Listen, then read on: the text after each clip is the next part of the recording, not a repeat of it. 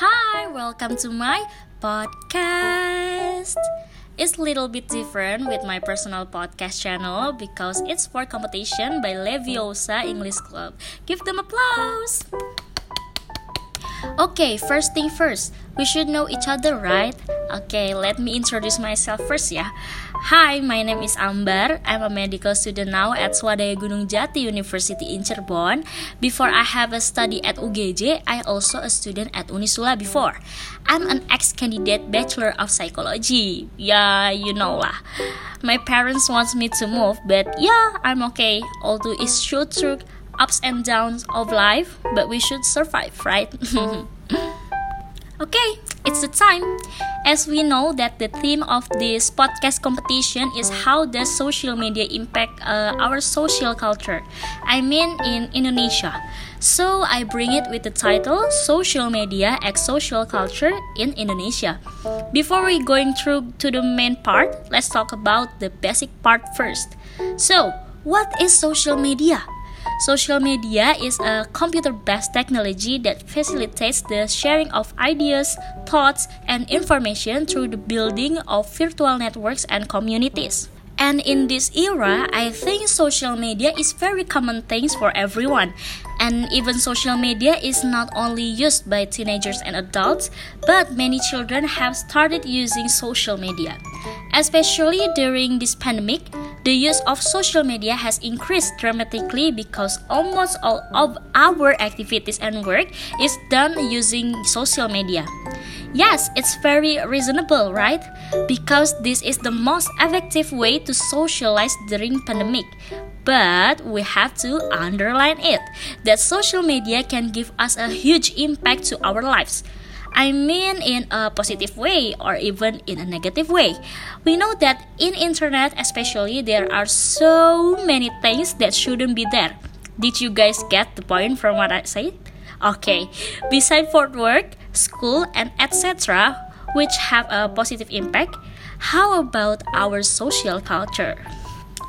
Hmm, I think it's a good news for you who really want to show up your talent with a wider place, and social media is an answer for that. You know that YouTube, Instagram, TikTok, Facebook, and many more has infinity opportunities for you to make a content without you having to think about the time and the place because it's very, very, very flexible.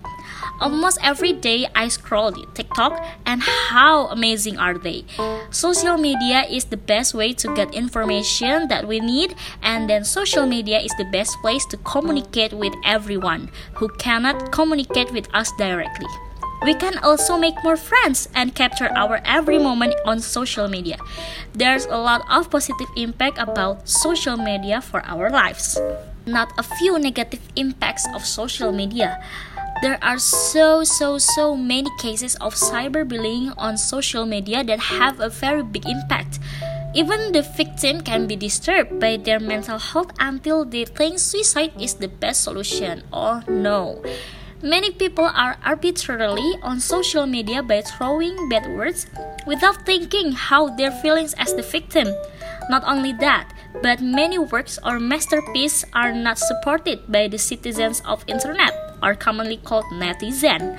Then social media is too free, so that many social media users are still under underage, which shouldn't be, be able uh, to use social media wisely.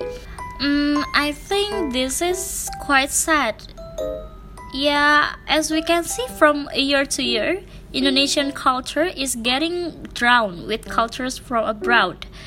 Even though there are many national children who try to spread the beauty and extraordinary culture of Indonesia through social media, but isn't enough.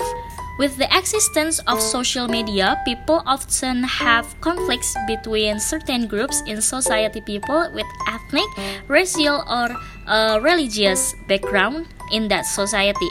People often use social media as a tool to divide unity by in the name of religion. People usually use social media as a tool to divide unity, namely by spreading hoax news to the public through the social media.